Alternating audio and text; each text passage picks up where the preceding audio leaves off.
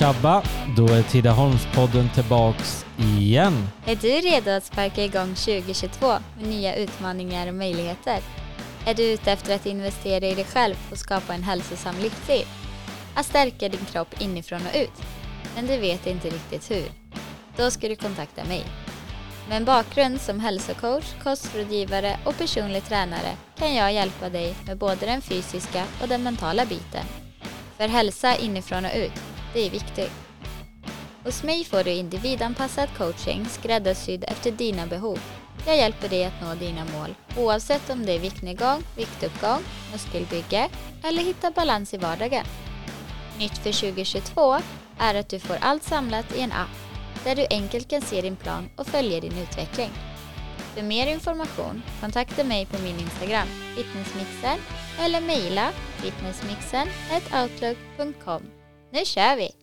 Så, då var Tidaholmspodden tillbaks igen och eh, dagens gäst är en Tidaholmare som heter Jonas Albeman. Han är 45 år än så länge. Det kommer ticka över till 46 men vi kör på 45 så länge.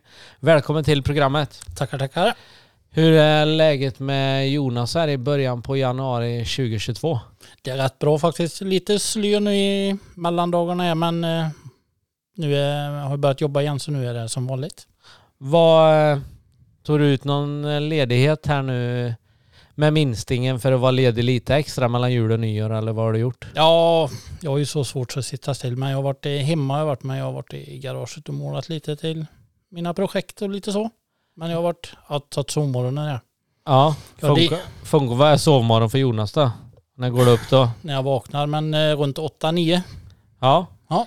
Gött. Vad tycker du om snön som har varit då? Men ingen kvar nu då men. Ja, det, det är både och. Jag gillar ju snön eh, när den ligger och det är kallt och det, det är så gött att arbeta ute då. Men eh, sen har vi ju haft lite arbete som har varit lite beroende på att det inte ska vara snö då. Så det var gött att den försvann emellan så vi fick på lite tak och grejer då.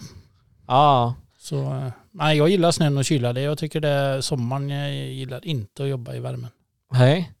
Nej, det är, alla är olika, så är det ju i alla fall. Vad, om vi backar tillbaka Jonas till uppväxt, lite skoltid och så, om vi håller oss från uppväxt upp till årskurs nio först då. Vart är du uppvuxen och så? Eh, Jag föddes i Tidaholm. Morsan och farsan bodde i Stensiken. Och sen flyttade, byggde farsan hus. eh, Så när jag var sex månader tror jag så drog vi till Folkabo och sen har jag aldrig kommit därifrån. Vad, vet du varför det blev Folkabo redan när du var liten eller? Eh, Ja, farsans morfar eh, byggde hus där och bodde där. Och min farsa var väldigt mycket hos honom. Så han är ju typ uppväxt i Folkabo då. Ja. Hur eh, minns du uppväxten uppe i Folkabo med kompisar och skolgången och så då? Och men vi var ju rätt så många barn jämnåriga där och det var jävligt bra. Vi var ju ute jämt och greja och ordna och spela tennis. De hade ju tennisbana eh, på skolan då. Så nätet satt uppe i stort sett året runt. Ja. Så det var väl ingen höjdarbana men vi var där och spelade och det var landhockey och Ja. ja, vi grejade. Skogen är ju nära. Ja, precis. Vi byggde kojor och skit. Vi var två gäng och vi rev köjer för varandra och krig. Ja, det var Ja. jävla skoj. ja. Vad, ehm, hur hade du ute i skolan då, årskurs 1-6 eh, först då? Hade du lätt för dig och att grejerna gick in eller fick du plugga en del? Nej, jag hade rätt så lätt att inte läsa till mig, men att lyssna så sätter det sig rätt så bra. Men eh, sen var jag rätt lat och så morsan säger ju då att eh, jag, hon frågar i tvåan, har ni inga läxor eh, till läraren? Jag, eh, jo, det har vi. Ja, men det har inte Jonas i alla fall. så jag var redan lat med läxor. Jag hatar att läsa till något, utan det praktiska är bättre. Ja. Vad, när kommer eh, sport in i livet och vad är det för sporter du börjar med först där då? Eh, Det var fotboll redan som femåring tror jag. Ja. Vi hade i Folkabo rätt så bra gäng. Vi hade tränare som Kenneth Lindberg och eh, Dönnes hade vi och sen var ju Bosse Fogelberg eh, tränaren och lite äldre, Henke och dem. Och, Ja. så det var rätt så bra fart på Skedavallen då när vi var små. Ja, var du redan då och kollade på, eh, kanske inte som femåring, men när du blev lite äldre, gick du och kollade med på A-lags fotbollen, Falkabo då eller? Ja, farsan spelade ju där eh, i Folkabo. Han var ju även med lite IFK, men det kommer jag inte ihåg. Men Folkabo var ju nere och tittade och de hade ju även bandylag på den tiden. Jag vet jag var med farsan och spolade isen och drack varm saft och grejer och ordna. Så vi får ju runt som, ja, jag var med det som gick. Ja. Det jag kommer ihåg. Jag Va- kommer inte ihåg så mycket men Hur länge höll du på med fotbollen då? 11-12 tills den skulle gå upp till två eller tre dagars träning. Då jag är inte någon träningsnarkoman, det kan jag inte säga. Nej. Vad, vilken position hade du när du spelade här då? Avbyta bänk och back. Avbyta bänken var. Ja, vad blev du utvisad någon gång då även? Som ung? Ja, det tror jag. Ja, En gång. en gång. Minns du vad du gjorde Jens? Ja, det var en kapning. Var Ja. ja. Vad, eh, när kommer bowlingen in då? Varför blev bowling då? Det var nog, jag gick ju eh, tidigt som, eh, hos en dagmamma, Lena Blad heter hon ju då. Han, hennes äldste pojke eh, började spela bowling. Och då var ju Rolling Stones jättestort i Tidaholm. Det var ju, jag vet inte hur många, men det var ju över hundra ungar säkert. Ja, jag kan tippa på en sju, åtta lag fanns det då va? Ja, jag tror det. Ja. Och han drog mig ner och fastnade direkt för det. Och jag kommer inte ihåg, men runt tio års ålder kanske.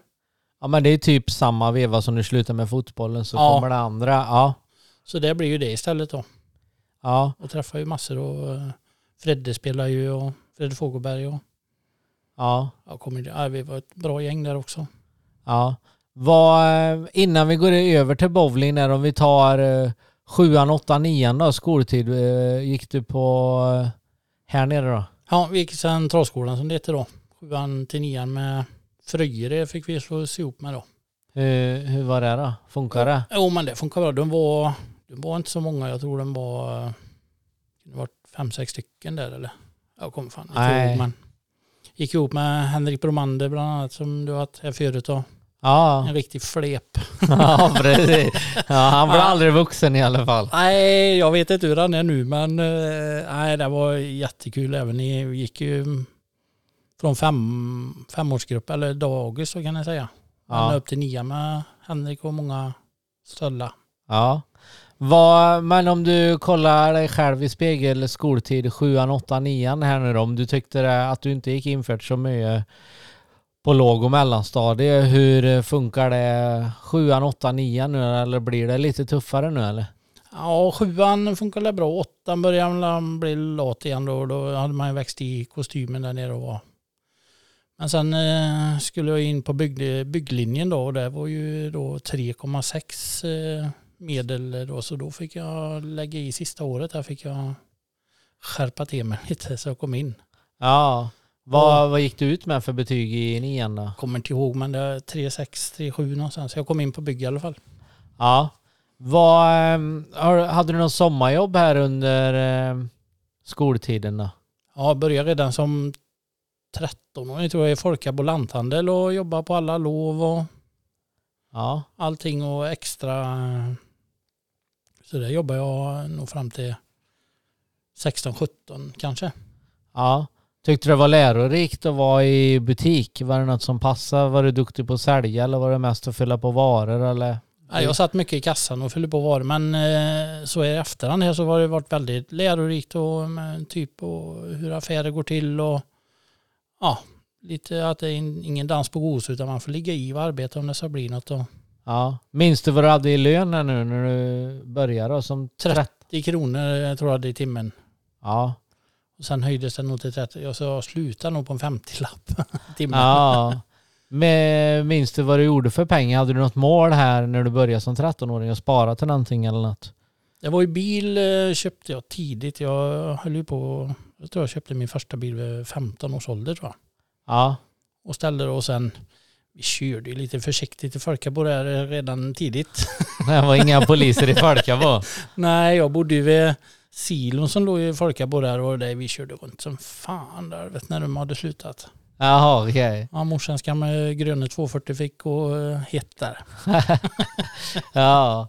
Vad, om vi går över, till, studsar tillbaka nu då till, du är en 14, ja, 13 år där och börjar med bowlingen då? Eller du var yngre kanske? Ja, jag var nog yngre där för eh, det gick ju rätt bra. Vi var ett bra gäng, eh, jag och Fredrik Fogelberg och vilka var det mer? Han spelar ju, jag började i Vamma då, när den klubben bildades. Eh, och Fredde spelade ju Labbos. Ja. Och vi var ju rätt så duktiga bägge två, så vi var ute mycket på läger och grejer. Då. Ja. Och sen eh, så vi var ju uppe i Stockholm. Fredde var ju en jädra filur. Jag vet vi sov ju i en stor eh, bågskyttehall där. Eh, och vi gick ju inte la oss förrän 12 ett på natten men vid fem då vaknade ju Fredde vet, och drog ut varenda propp i varenda luftmadrass för allihopa där. Vet, så då var det bara att kliva upp. ja. Han, var, ja, han hade myr i brallan den ala än idag. Ja. Vad ehm, spelmässigt för dig själv då efter eh, Vammatiden så blir det klivet över till Marbodals eh, bowlingsällskap där. Hur, eh, hur var det att byta upp eh, en eller två divisioner där då för din del? Jo men det var ju naturligt steg. Eh, jag tror jag... Jag vet inte, om Fredde var det i Marbodal innan mig eller hur det var men jag råkade ju snubbla till och vann eh, ungdoms-SM när jag var 14. Eh, Men då tror jag spelade i Vamma. Sen när jag var 15 då tog jag steget till Marbodal då. Ja. Och sen... eh, Jag kommer inte ihåg när jag slutade sen men jag höll på många år. Vi var ju rätt så duktiga där ett tag. Ja, det var ju division 1 under de flesta åren i alla fall. Ja det var det. Och då var ju... Nej, jag vet inte om jag ska säga att det var kanske tuffare då. Nu ligger de i allsvenskan, Marbodal, men det kan, kan nog vara likvärdigt. Men om vi tar materialsporten, bowling, hur den har utvecklats till som den är nu, att så du, håller, så du var med i Marbodals A-lag, då är det två bollar per år. Inköp och en boll ligger där runt två och fem oborrad kanske. Så det, Mm. ja, det är mycket pengar. Det är det och sen för eh, tjusningen med bowling var ju förr typ när man åkte till Göten och gick med en handspruta och olja banan liksom. Du visste ju, hade ju ingen susning om vad du gick ut på. Nej, du var ju, var ju var verkligen duktig för att hantera så många olika. Nu kan du olja samma profil liksom på vilken bana i Sverige som helst. Ja, det har gått eh, framåt och det är både plus och minus. Och jag menar, förr var det kanske bra att slå 800 som var pari som de säger i bowling, 200 per serie gånger fyra då. Eh, jag vet inte, 900 det var mäktigt, för 1000 var ju grymt. Det var Rune, Roger Olsson, några, jag vet inte om du själv har gjort 1000? Ja, jag har klättrat över tusen en eller två gånger max, men det är ju nästan inte omöjligt. Ja. Och nu om man ser vad de eh, snittar nu, de bästa, då är det ju alltså göra 8,50 på en match. Ja, du kan vara kanske topp sju av åtta. Ja, För det, det Ja. men det, men det håller, sen kan, allt har ju inte med att eh, materialet, utan det har ju med att det är duktiga bowlare och det går Ja. inte att ta ifrån dem. kunskapen har ju utvecklats och jag menar förr var det väl var det bara Rune och någonting som hade gjort en 300 Ja, i hallen. ja, och nu gör de 300 rätt ofta. Ja, Kan, ja men det är ju, så är det ju. Sen är det ju, du kan ju lägga en lätt eh, oljeprofil men det kan jag ju säga till alla som lyssnar då som tror att det är lätt att göra 300, ge välkomna ner och vi kan få köpa klot till bra priser och vi kan få träna. Men det kommer ta rätt lång tid innan jag gör första 300 ändå. ja det gör det för det är ett väldigt kunnande och precisionssport Ja, så. Och eh, även, många tror ju inte att det är så jobbigt men det är, det är klart det är inte att springa eh, fem mil men det är jobbigt ändå. ja men du säger koncentrationen. eh, Knäcka i. ja, Ja, Och så allt gap och liv. Det var ju en del högljudda matcher redan när du spelade och det var party, bussar, borde...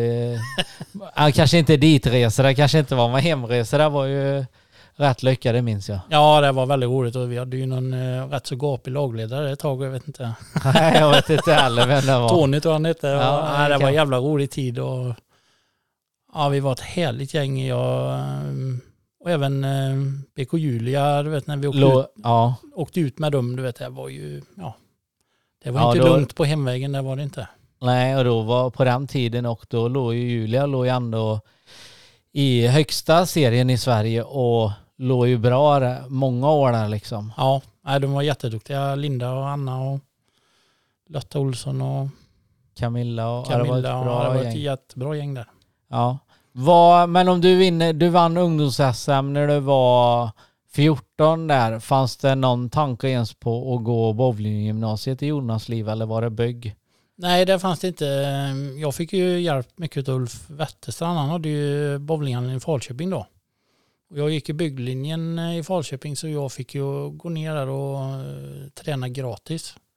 Ja, Och han hjälpte mig men sen jag tappade intresset där eh, ja, lite. Jag vet inte varför. Det kom in annat. ja. Skoj.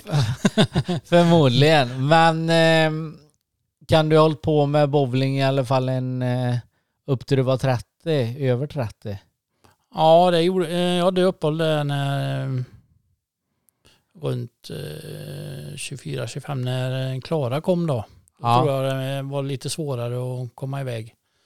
Sen eh, försökte jag hålla igen sen men eh, några år men sen jag har problem med mina armar och ja, kan jag inte gå in för en sport 100% och då tappar jag intresset. Utan jag måste, ja, jag måste, så jag går in, så jag var med i något och vill jag göra till 100%. Ja, precis. Annars så får det ju vara på hobbynivå då. Ja, absolut. Vad eh, det bästa minnet från eh, fotbollstiden i Falkabora? Har du något sånt minne som du aldrig glömmer? Eh, när jag spelade själv så var det ju alla läger i Tersus läge. Och även med bowlingen, det var ju, Ja. det var ju spännande. Allt kunde ju hända. ja, det var inte så... Kanske ni var iväg med fotbollen i Falkabo och var yngre. Då kanske det verkligen var ett träningsläge. Men med bowlingen så har det väl aldrig innefattat någon bowling direkt. Nej, det var det. Men fotbollen var ju lite då, men du vet det var ju Bosse Fågelberg och Bro Sjögren var ju med och ja, du vet ju. De var sköna gubbar. Ja, det var sköna gubbar. Jag drack lite öl och du vet, jag skojade så, så det var, ja, det var jävligt roligt. Ja. Och så var ju, jag kommer ju, det var ju mycket stalla med Fredrik eh, Fogberg var ju med, han det var ju inte lång stund. Han är bröderna Bergviken var totalt sjövilda, de bodde i Holmar då. Ja. Och det är sluss och grejer. Ja det var, det var mycket, ja, mycket roligt i efterhand. Ja. Det bästa bowlingminnet då i karriären är det när du vinner ungdoms-SM? Trodde du ens att du skulle kunna göra, jag menar det är ändå de bästa bowlare i din ålder i hela Sverige. Nej det trodde jag inte, utan, men det var ju så, det var ju bara att åka dit och spela dina eh, sex serier tror jag det var. Och sen den som slog högst och vann ju då, så det var ju kanske en engångsföreteelse. Men det jag kommer ihåg var mest när Vamma vann sin första seriematch. Då var jag med där, vi målade upp en skeva som farsan hade och skrev Vamma på hela sidan och åkte kring i stan. Och jag, jag tror jag var 13 och jag drack ett öl då, men jag var med där och de drack öl och de upp. Och, ja, tjoa och kimma och Ulf Wetterstrand var ju riktigt bra spelare då. Ja. Han hade ju hand om Vammar och ja, det var riktigt roligt. Och Bro Sjögren och Egert Malmqvist. Och, ja, det var bara gamla Mikael Gustafsson tror jag som hade Åbergsplåt. Och Ja, handlaren var med också va? handlaren tror jag var med men han kom in senare sen tror jag. Ja okej. Ja. Ja. Nej men det var bra gäng. Nu finns ju inte klubben kvar längre tyvärr. Så det, Nej, det är ju, men eh, så är det ju. Bowlingen har ju minskat. ja absolut. Alla sporter eh, går ner tyvärr. Ja, det är nog inte det intresset längre och sen gäller det att ha de här äh, eldsjälar som du har nämnt här nu, bland annat Bosse Fogelberg och Ulf Wetterstrand. Det gäller att hitta dem oavsett om det är fotbollen eller bowling eller ishockey eller vad du vill. Ja, så är Det inte, Ulf Wetterstrand la ju ner jättejobb i Rolling Stones vet jag. ja, Vi var ju på, han var ju något inblandad i Västergötland också. Jag och Fredde var ju iväg på med läger och var även i Norge på läger vet jag. ja, Lite sånt för Västergötland då. Spelade någon sån här, eh, vad heter det, land, inte land, ehm, typ för Västergötland då. Någon, inte eh, landskamp men nej, eh, vill- ja, någon sånt, jag kommer inte ihåg vad det kallas men.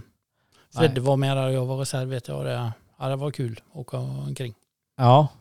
Vad, vi kör en första paus Jonas innan vi studsar vidare i ditt spännande liv. Oh, what's the matter? I've got asthma and I can't breathe. I went to the doctor and he gave me one of these.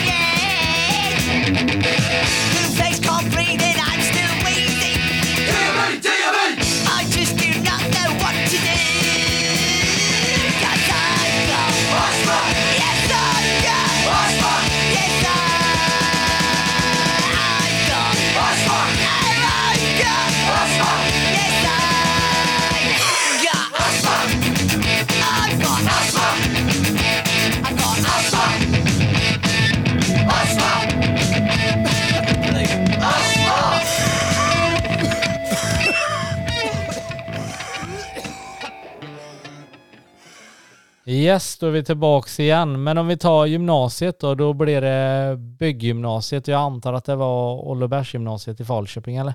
Jajamän, det var treårig byggnads då. Eh, Året innan så var det bara två år så vi var första som gick tre år då. Ja, hur var det att komma till Falköping då? Hade du, eller var det med Tidaholmare som gick eh, samma linje eller som pendlade ihop med dig eller så eller? Nej, vi var eh, två till armarna till Jörgen Pettersson och Jonas Gustafsson ifrån Ekedal. Som Ja. var, resten var, det var från Herrljunga och Falköping och runt omkring. Ja. Hur var det att gå eh, tre år i Falköping då? Ja, det var skit. Vi var ett jättebra gäng. Eh, Vi var, vi blev, vi var 16 i ettan, sen var det en som hoppade av så vi var 15. Och jag tror 10 minst har egna företag nu utav de som gick idag. Ja, okej. Eller också har haft och, och skolat om. Så vi, ja, vi var ett härligt gäng. Vi, vi drack mycket saft och eh, hade skoj. Och, Mycket saft. Nej, det tror jag det var. nej, det var lite annat i saften kanske. Men eh, ja, vi, eh, det var ett riktigt bra gäng och bra lärare. Och, Ja. Vad här då? Fick du, var det mycket praktiskt här nu på bygg då? Eller var det mycket plugga ändå och slita för att få ihop betygen? Eller vad kände du? ja, det var, ja, det var, ju- vi var ute i tvåan tror jag. Vi var ute i tre dagar och var inne på skolan två dagar och läste då. Men jag tappade helt, eh, det var ju svenska, det var helt ointressant för mig. Så jag sista, tre, sista halvåret i trean det sket jag i och och svenskan tror jag inte gick en lektion. Nej, men du gick eh, klart gymnasiet? och Ja, jajamän, ja det gjorde jag. Ja. Men eh, det var inga 1,6 tror jag gick ut med något. Ja, jag sjönk lite där från årskurs nio då. Ja, men eh, jag ansåg då att eh, jag frågade lite runt för, om de byggfirmorna om de tar hänsyn till betygen. Nej, varför ska vi göra det, sa de. De Nej. fullständigt i eh, vad du hade Nej för det, betyg. spe- nej, det kanske inte... Och just en sån grej då som eh, bygg då, då spelar det ingen roll vad du kan i... Ja men typ svenska eller geografi. Nej, det är, ju- kan du bara läsa och skriva liksom och eh, räkna. Ja. Och matte var jag duktig på och så, men nej, samhällskunskap och sånt där var ju helt ointressant då. Ja. Efter eh, gymnasiet då Jonas, vad, vad gör du då? Eh, då jobbade jag hos farsan eh, som snickare ett halvår. Sen ryckte jag in i lumpen i Skövde. Ja. En riktig stridspilot eh, pilot där, P4 Malaj. Ja, hur var det att komma in i lumpen då? Ja, det, var ju, det är ju som alla andra säger, det är, man minns ju det roliga. Och, men vi hade en rätt så tuff eh, utbildning de första två månaderna av grundutbildningen. Låg ute i tält och ja, gick i det där Baskebro. Jag kommer ihåg, eh, det var ju fyra mil man skulle gå. Jag bara blödde om fötterna när jag kom hem. Du vet. Och fick ju inte på sig, eh, och sen, det var ju en fredag och sen skulle man ju hem. Man fick ju inte på sina vanliga skor. Man fick ju ta gummistövlar och kliva hem i för du Ja. hade ju sår på överallt. Nej fy fan. Ja, det var en tuff, men det var som... eh, det är en väldigt lärorik och man lärde sig att ha hänsyn av folk och vi hade en som hade jätteproblem eh, och hålla ordning på sina grejer och eh, till slut så ville de... Han fick helt enkelt skulle byta kompani då, men där satte vi ner foten och sa att han är med oss. Då var det liksom två månader kvar och så vi hjälpte honom och då man lärde sig att ta hand om varandra även om han ställde till jävligt mycket bekymmer för oss. Han sköt vårdarskott och det var rätt det var slutstycke bort och sånt vet, och det var ju nästan hängning på sånt i militären. Ja. Men han var en bra kille för övrigt men hade jävligt med otur. ja det... Så man, eh, han fick faktiskt eh, då lyssna på oss och eh, vi tog igenom honom eh, utbildningen där så eh, ja. Ja. Vad tycker du att eh, den har ju återinförts här nu men värnplikten men tycker du att eh, alla borde egentligen göra det för att veta hyfs och lära sig lite sen inför framtiden vad som gäller i livet? Ja, jag tycker det var bra för man lärde sig hålla ordning på sina saker och eh, ta hänsyn till andra. Och vi hade ju mycket från Göteborg och de, en annan tyckte inte de var helt dumma i huvudet. Liksom. De var helt, men jag menar de tyckte vi var precis bonniga. Och, Ja. Nej, man fick lära sig och jag menar även fast det var väldigt mycket, mycket dödtid så kommer du ihåg det bästa. Och, Ja. Då respekterar de äldre. Var det någon som sa, någon kapten eller löjtnant eller något, ja fan du... Nej, du visste ju att eh, säger jag emot här vet du, får ju hela gänget får ju liksom göra 40 armhävningar va. Ja. Så det var bara att göra. Ja. Det var inte mer att välja på. Nej. Vad, eh, efter lumpen sen då, vad blir det för eh, jobb eller blir det något inom bygg direkt eller hur tänker du? Nej, jag hade startat en eh, bilfirma då tidigare som jag höll på och sålde lite bilar och det. Det var mest lattjo bara alltihopa men jag visste inte för det kom ju ut när jag slutade bygg där var ju en kris då på 95 där och där fanns inte byggjobb och uppringar då utan jag han kom mig fram och Sen var det Jonas Hjelm som lurade in mig på IAC 98 så det var två år Ja. och eh, trivdes jävligt mycket bra fabrik var det. Och sen eh, varslade de lite och då fick vi erbjudande att gå i förtid till Sites då. Så jag var där en månad på Sites och eh, sen gick inte Haraldsson som var chef där då så sa han att skriv på här så får du förlängt. Aldrig i livet så det var sämsta arbetet jag har varit på sa jag och så här har du skor sa jag för jag hade tagit ut ett par skor jag hade inte använt dem och kommer inte tillbaka för det vill jag inte vara sa jag. Nej. Så jag, och då precis i den vevan när jag sa upp mig där så stod jag med ett halvfärdigt, för jag byggde hus i Falkabo då.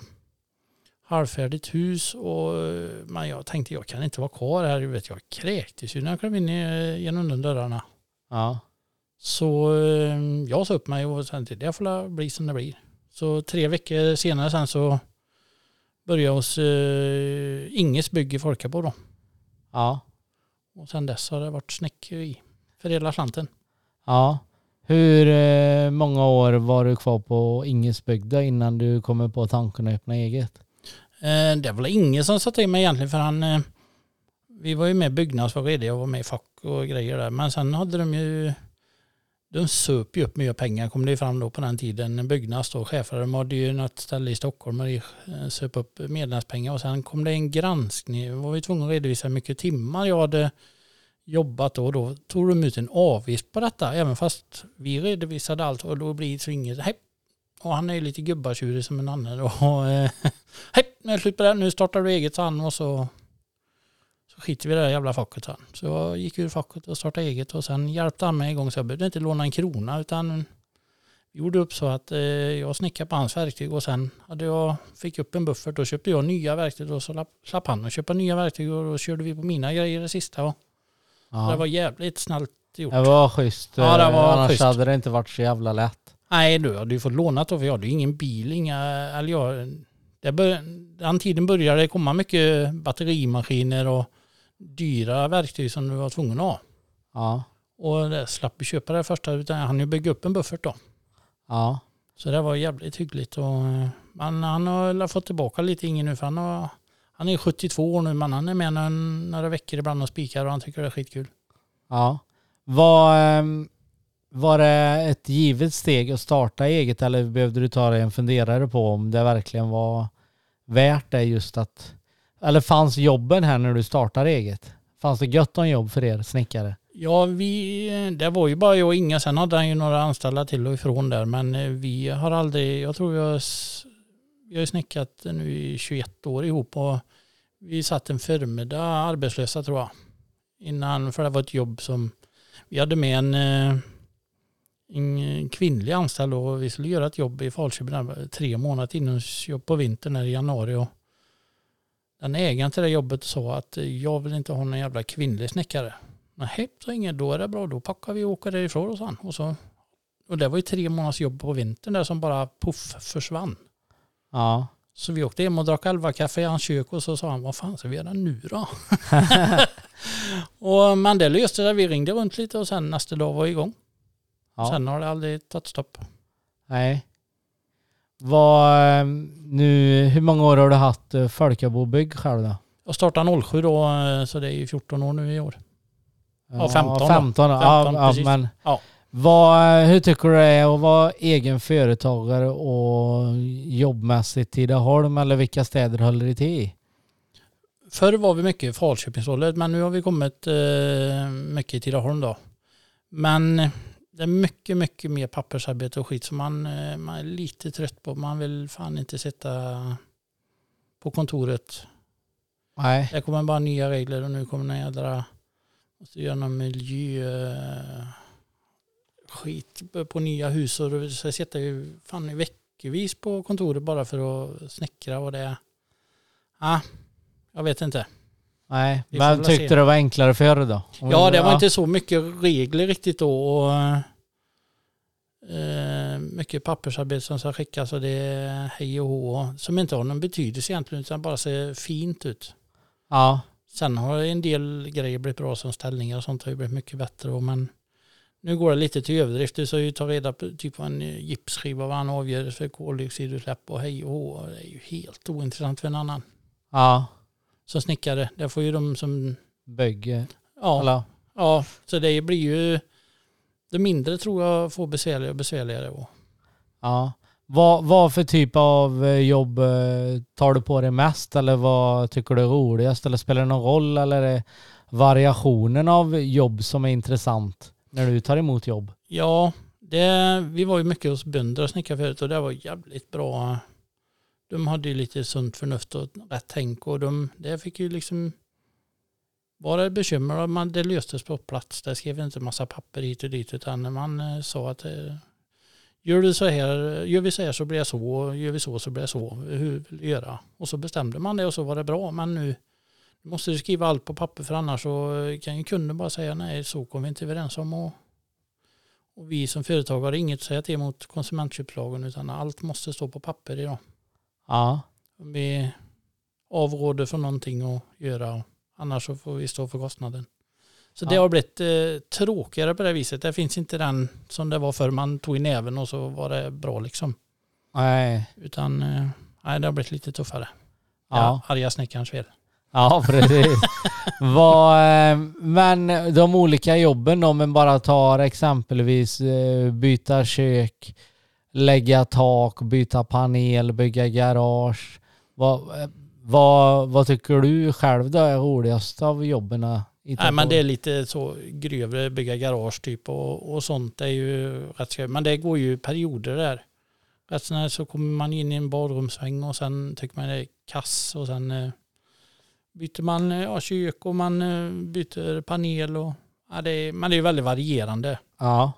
Så eh, vi är inte så många, vi är bara tre kvar på firman nu med mig då och nu går det ju att välja lite arbete för nu är det så gött om arbete.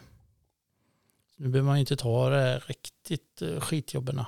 Nej. Men tackar du nej då eller skickar du en saltad offert tillbaka till kund för att den inte ska ta det eller rekommenderar du någon annan snickare eller hur funkar det i Nej, snickarbranschen? jag, vi säger, jag har faktiskt lärt mig att säga nej då och säger det har ju lärt mig att vara ärlig mot kunden och säga att nu ligger vi så här långt fram och, och vi vet ju inte vad som händer men vi ligger ju som det är nu ligger vi ett år bort och liksom, det hinner ju hända mycket på ett år. Vi kan bli sjuka och det skjuts framtiden och nu är det corona, nu är det helt hopplöst att få eh, komma fram. Ja. Och, eh, men eh, ja, nej, men det har jag lärt mig. Vi, jag har saltat vi lämnar väldigt lite priser på jobb egentligen utan vi uppskattar ett offert och sen eh, men vi saltar aldrig några offerter utan då säger vi vi hinner inte så det och så rekommenderar vi bra firmor både i Tidaholm och Falköping då Ja, precis. istället. Ja. För nu som det är nu så är det jättesvårt att få tag i bra hantverkare. Ja. Vad eh, har det varit så här eh, efterfrågan någon gång snickar yrket som det är nu? Att det är väntetid på ett år? Har du varit med om det tidigare? Nej, det har aldrig varit med om. Det har varit det senaste nu. Vi trodde ju för tre, fyra år sedan att nu måste det ju ta slut, men det, det verkar inte så. Men nu, nu har ju alla priser gått upp så vi får se vad det tar vägen. Men jag tror vi små företag har nog inte så ont utav det. Nej. Det finns alltid vattenskador och det finns sånt som måste göras liksom. Ja, Som- men tror du det är enklare för dig som eh, istället, nu säger du att du har, du har två anställda eller? Ja. Vad om du istället skulle ha haft 22 anställda, hade du kunnat, inte för att snacka pengar, men hade du kunnat dra in bra med mer pengar? Eller hade det varit bra med mer utgifter också? Så det är Ja. inte säkert att det är plus. Nej, vi var ju sju eller åtta stycken där ett tag som jag hade då. Och då hann jag ju inte, ja jag jobbar ju typ 80 timmar i veckan men jag kunde ju inte fakturera 80, kanske 20 då. Så det åt ju upp eh, en gubbe och väl det. Så då blev det inte mer pengar över. Mer bekymmer bara. Ja. Så för två år sedan tog vi beslutet då, för då gick Kurt som jobbade, han gick i pension och ingen var ju redan pensionär. Sen hade vi en praktikant, en lärling då. Eh, Han fick inte fortsätta så då frågade pojken hur vi ville göra, om vi skulle anställa mer eller om vi skulle gå ner. Och de sa nej det är, det är lugnare. Så eh, ja, nu är vi tre och det funkar skitbra. Ja. Så nu blir det att nu har vi max två jobb igång liksom och vi kan göra färdigt. Förut kunde vi ha sju, åtta jobb igång för då stoppa rörmokaren på ett ställe och elektriker på ett och då var vi tvungen att dra igång ett nytt bara för att inte gubbar så det står still. Och, och sen var allt klart på samtidigt och ringde alla och tjötade på en. När kommer det, när kommer det? Ja. Så det var skitsvårt att planera. Ja. Så nej, det är riktigt gött och jag beundrar de som orkar och som är en som JK, de som är sex, sju, åtta stycken. Och han, han lägger ner ett jävla jobb. Ja. Nej men det, det krävs nog, ja som du säger, det krävs mycket också och det är inte säkert att det blir så mycket mer. Nej, det, Över. jag tyckte inte det var värt det i alla fall. Nej. Det var det inte, för jag satt ju hela helger och räknade på jobb och tittade på jobb och bara för dem och förberedde så de alla hade att göra då. För Ja. det kostar ju så mycket pengar om de står still och inte kan fakturera deras timmar utan jag får betala dem. I had another drink I after another drink, and then I tried to crawl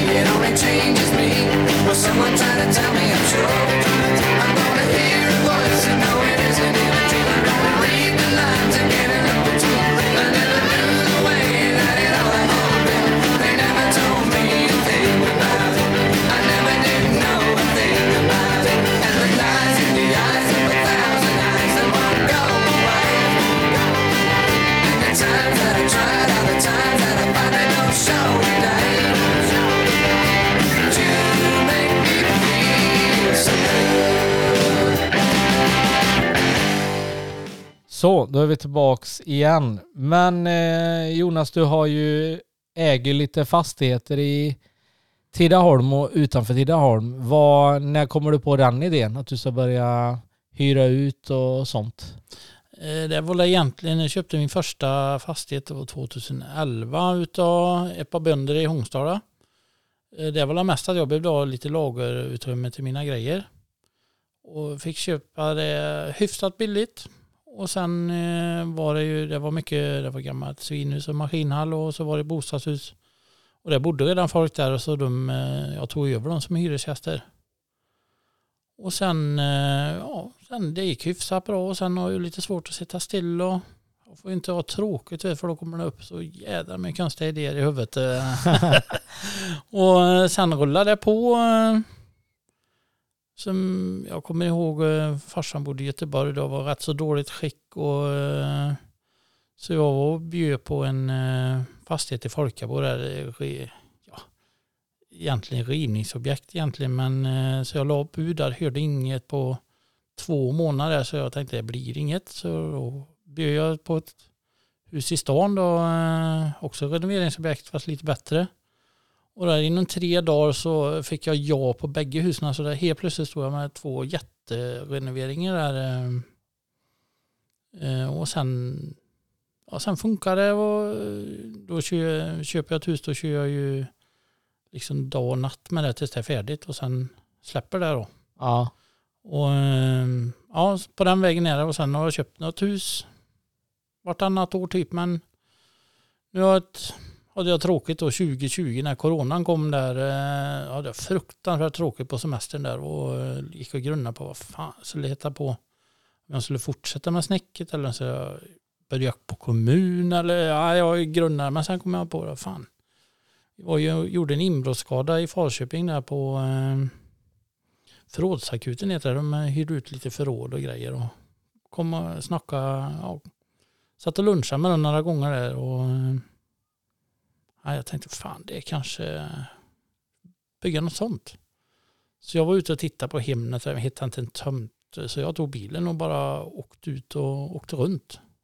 Och då stod det en liten, liten skylt med Svensk fastighetsförmedling och eh, vid värmeverket där. Och att till salu stod det. Så jag ringde ju Anna-Lena och sa, vad är det? Ja, den skylten har jag glömt att ta bort. Vad fan tänkte jag. För det var en som var intresserad, men han hoppade av. Ja, vad bra så. Vem är det som äger det då? Ja, det är Tord och Micke och Bosse då. Ja, ja men då sa jag hyra med dem. Eh, ja, men det går genom mig. Ja, det, det ska gå rätt vägen. Så eh, men jag ska höra lite. Så vi kom överens om ett pris där jag, Anna-Lena och Bosse och, de, och Micke och, och sen köpte jag det och sen, jag tror jag låg, eh, jag sov nog inte på tre veckor där.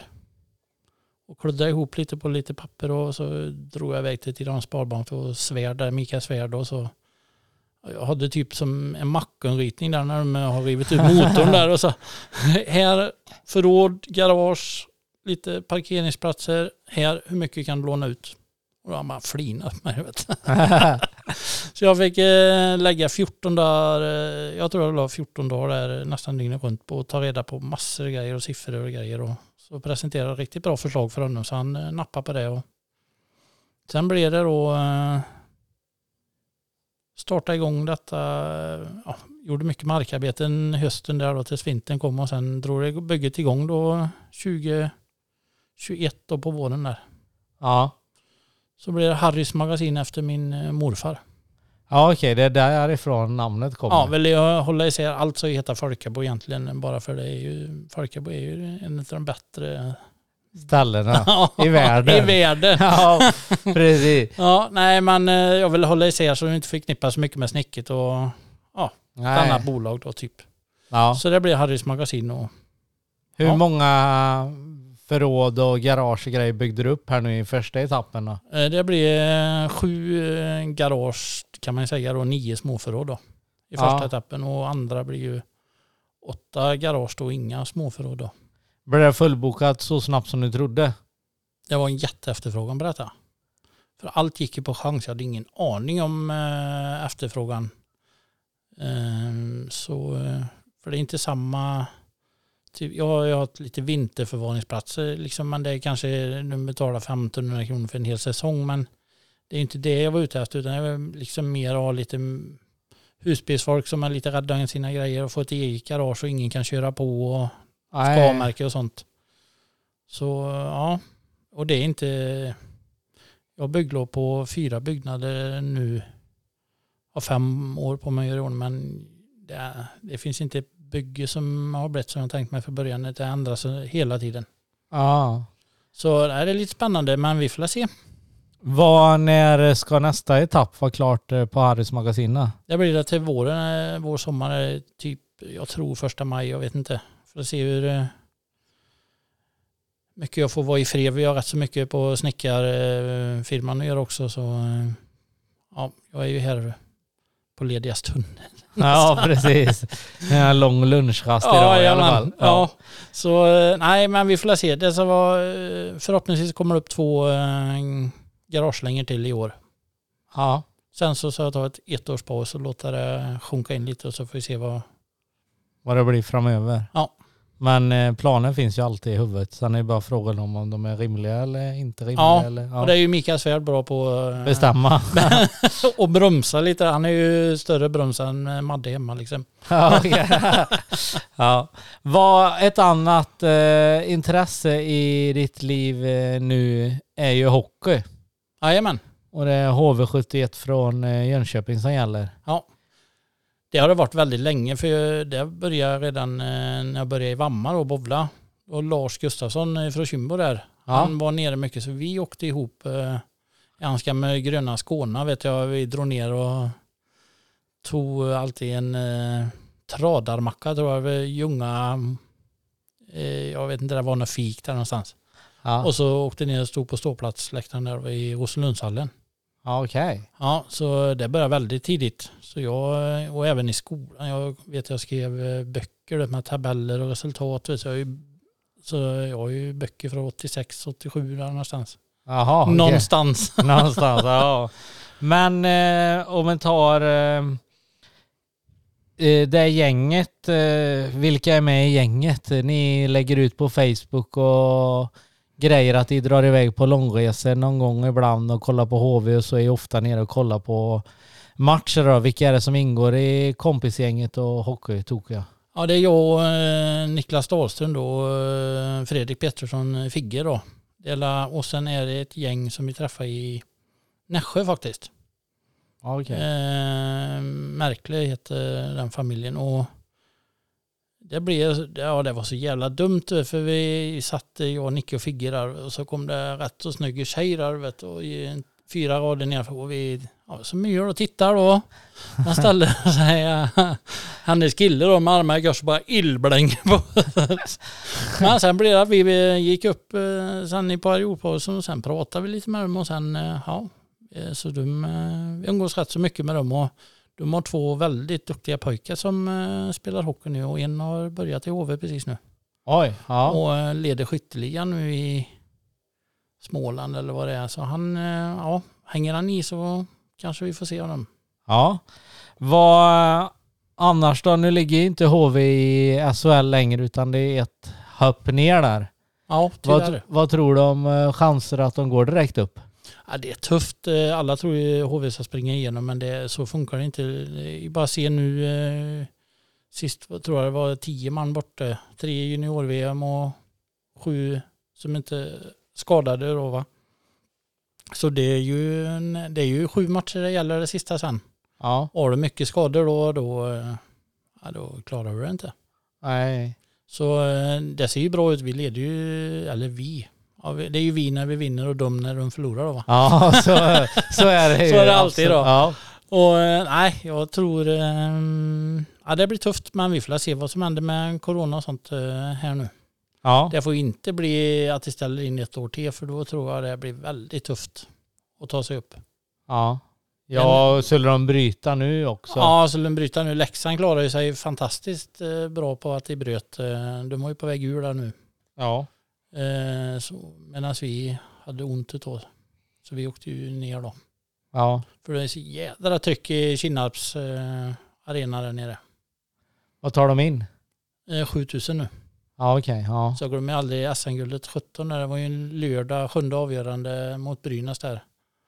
Hultgren var ju, Ander, Hultgren var ju med nere. Vi åkte i våran Cadillac ner och drack lite saft och tjoa och tjimma. Du vet, och det gick till förlängning. Du vet, ja, det var magiskt. Du vet när de kom in där på isen och hela hallen sjöng det bara lyfte hela taket liksom. Och en gång har varit en värre grej. Det var när jag var i Skottland och så eh, Celtic Rangers. Det var det sjukaste jag varit med om. Det sjöng i hundra, även i, i pausen sjöng de. Det sjöngs Jaha, i 120 okej. minuter. Oavbrutet. De var, du vet, det var totalt tokiga publiken där. Var det när Henke spelade i Celtic? Nej, han hade lagt år, det var nog 12 tror jag vi var där. eh, En byggresa där och nej, fick tag i biljetter. Nu går det inte att gå där, det kostar ju skjorta att gå in där.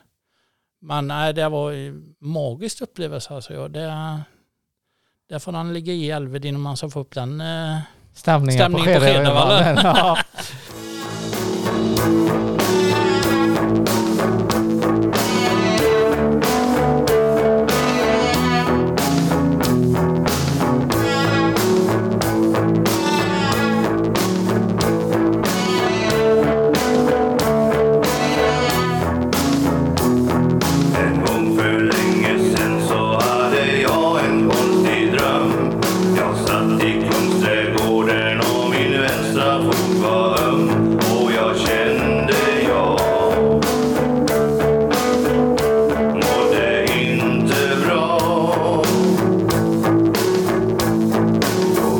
jag se ett par jag tyckte att jag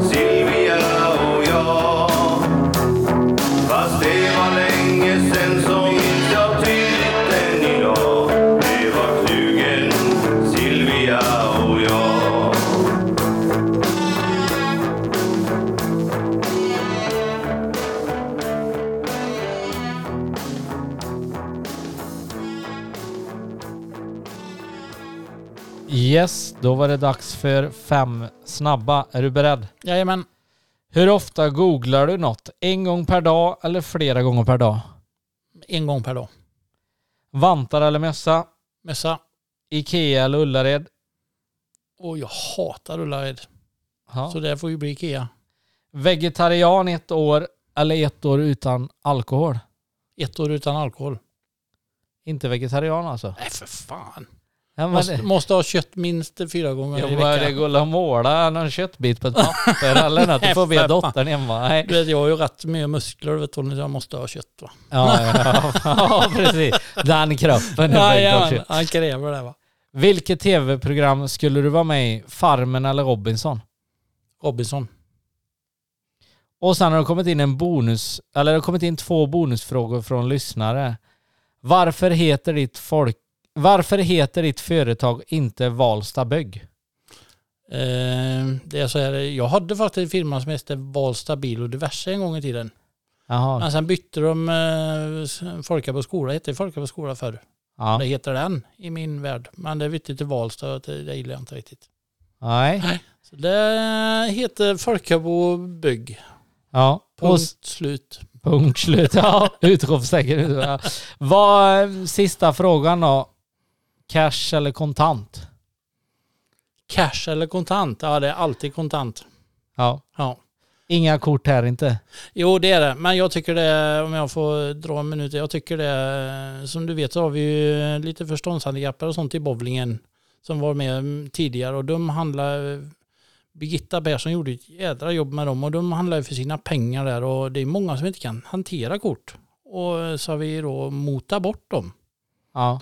Och jag tycker det är för jävligt rent ut sagt att eh, de kan neka kontanter. eh, För det är många som inte kan ha kort. Jag skiter i vilket. eh, Så Men du sett. betalar ju gärna kontant. Jag tar ut eh, varje, må eller, varje månad tar ut pengar och betalar kontanter. Jag be, till och med, jag har inte varit inne i HV-shoppen liksom för de tog ju bort kontanter där. Jag vägrar. Ja. Så, eh, men det är klart i baren, eh, de har ju tagit bort eh, kontanter i, på hela arenan nu så när det suger lite för mycket i Baileys-tarmen där så får en ta fram kortet men... Då får den offra sig. Ja det får ni göra. Det är några gånger per år då. Ja det är det. Nej jag tycker det är, nej, det är inte okej liksom för det är inte alla som kan ha kort idag. Nej, sen kan du vända på det och när kortterminalerna ligger nere, då är det inte en jävel som kan handla Nej, det sen. blir ju där uppe på HV-baren där, då låg ju det nere, det var ju totalt kaos där när jag skulle köpa öl. Ja, Det var det gött att ha lite eh, cash i plånboken där. Fick nu köpa sin Baileys och kaffe där. Ja, Ja. perfekt. Vad, Jonas, du sa stort tack för du ställde upp i podden och så önskar jag dig stort lycka till i framtiden med framtida projekt och allt därtill. Ja, tack så mycket. Är du redo att sparka igång 2022 med nya utmaningar och möjligheter? Är du ute efter att investera i dig själv och skapa en hälsosam livsstil? Att stärka din kropp inifrån och ut? Men du vet inte riktigt hur? Då ska du kontakta mig. Med en bakgrund som hälsocoach, kostrådgivare och personlig tränare kan jag hjälpa dig med både den fysiska och den mentala biten. För hälsa inifrån och ut, det är viktigt. Hos mig får du individanpassad coaching skräddarsydd efter dina behov. Jag hjälper dig att nå dina mål oavsett om det är viktnedgång, viktuppgång, muskelbygge eller hitta balans i vardagen. Nytt för 2022 är att du får allt samlat i en app. där du enkelt kan se din plan och följa din utveckling. För mer information, kontakta mig på min Instagram, fitnessmixen, eller mejla fitnessmixen.outlook.com.